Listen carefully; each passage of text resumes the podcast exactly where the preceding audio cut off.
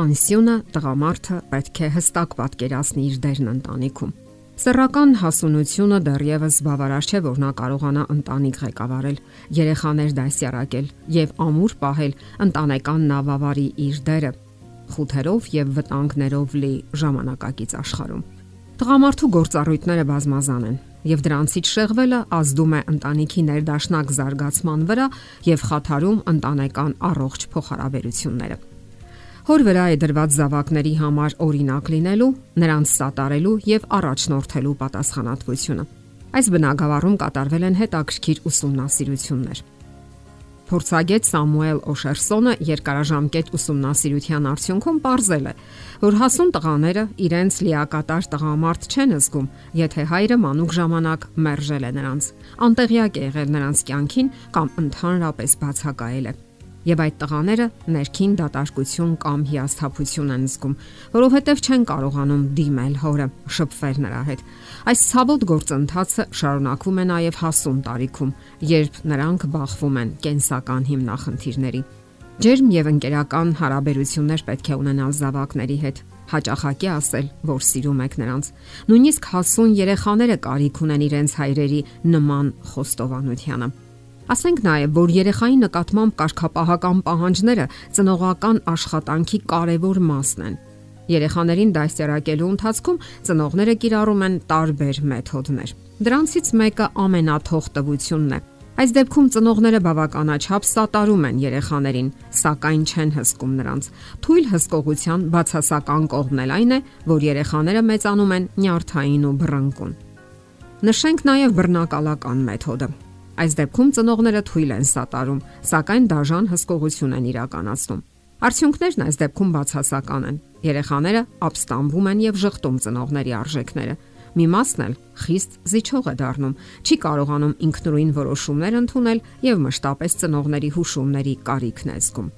Նշենք նաև ամփույթ կամ անտեսող մեթոդը։ Այս դեպքում ծնողները քիչ են սատարում իրենց զավակներին եւ հսկողությունն էլ թույլ է Հետևանքները նման են նախորդներին։ Այս երեխաները կարող են հուզական լուրջ խնդիրներ ունենալ կապված իրենց նկատմամբ անտարբեր վերաբերմունքի հետ։ Խրախուսելին հեղինակության վրա հիմնված մեթոդն է։ Այս դեպքում ծնողների ուշադրության կենտրոնում երեխաների շահերն են, արժեքներն ու նպատակները։ Մշակվում է որոշակի տիպի վարքագիծ, հաշվի առնելով եւ նրանց կարիքները եւ առանձնահատկությունները։ Խրախուսվում են անկախության եւ պատասխանատվության զգացումները Ծնողները ջերմությամբ եւ հարգանքով են սովորեցնում կանոնները։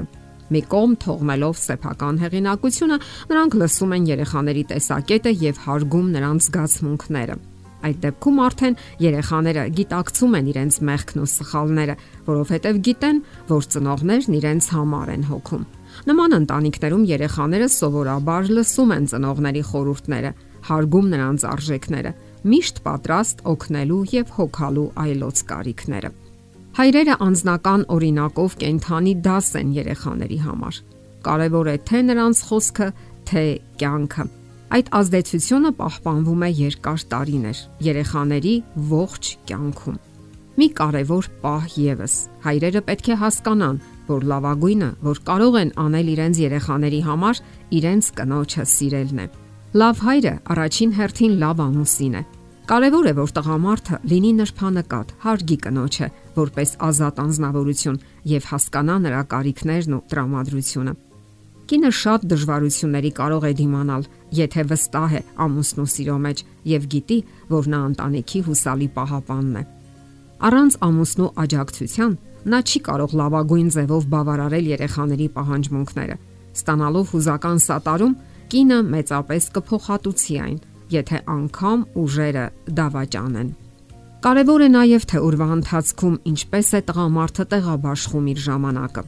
Հարցումներ են անցկացվել ավակ դպրոցականների շրջանում, առաջարկելով նշել այն 10 հատկանիշները, որոնք առավել ցանկալի են ընտանիքի հոր համար։ Եվ ամենից շատ կարևորվել է հետևյալ պահը. որքան ժամանակ են անցկացնում հայրերը երեխաների հետ։ Մտավոր առողջության ինստիտուտի տնօրեն դոկտոր Սթենլի Իոլզը հաստատում է, որ հայրը ընդունակ է էականորեն նվազեցնելու երեխայի կողմից երբևէ օրինախախտում կատարելու հավանականությունը։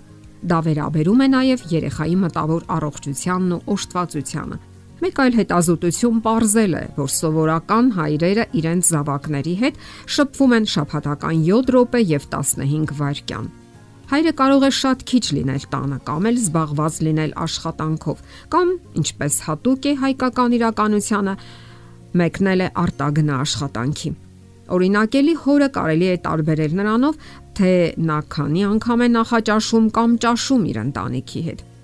Հիանալի հոր օրինակ է Ջոն Քենեդին։ Նա ամեն օր շփվում էր իր երեխաների հետ, ով կարող էր ավելի զբաղված լինել, քան նա, սակայն միշտ էլ ժամանակ էր գտնում աղմկոտ եւ ուրախ խաղերի համար։ Զբոսնում էր նավակով, հետաքրքիր պատմություններ պատմում նրանց։ Նա իսկապես ակտիվորեն մասնակցում էր երեխաների կյանքին։ Կարևոր է նաև թե ինչպես են հայրն ու երեխան միասին անցկացնում ժամանակը։ Հետագայում հայրը միշտ էլ զավակի կողքին կլինի ճակատագրական պահերին եւ երեխան ինքը ջերմ զգացումով կհիշի, թե ինչպես էր հայրը իր կողքին։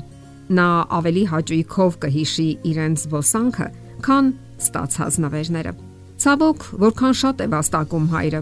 այնքան քիչ ժամանակ է մնում երեխայի հետ շփվելու համար։ Հայրը պարտավոր է մտածված եւ անկեղծորեն պատասխանել երեխային հուզող հարցերին, օգնել նրան ժամանակին լուծելու հիմնախնդիրները, եւ այդ պահերը կարելի է համարել արդյունավետ անցկացրած ժամանակ։ Եվ ճիշտ հակառակը, բացակայող, տանը կարևոր որոշումներ չընդունող հայրերը չեն կարող օրինակ լինել իրենց երեխաների համար եւ մի օր կնկատեն, որ զավակները հաշվի չեն նստում իրենց հետ։ Իսկ ահա լավ հայրը երեխաների կողմից ընկալվում է որպես հոգատար տղամարդ, պատրաստ միշտ օգնության հասնելու։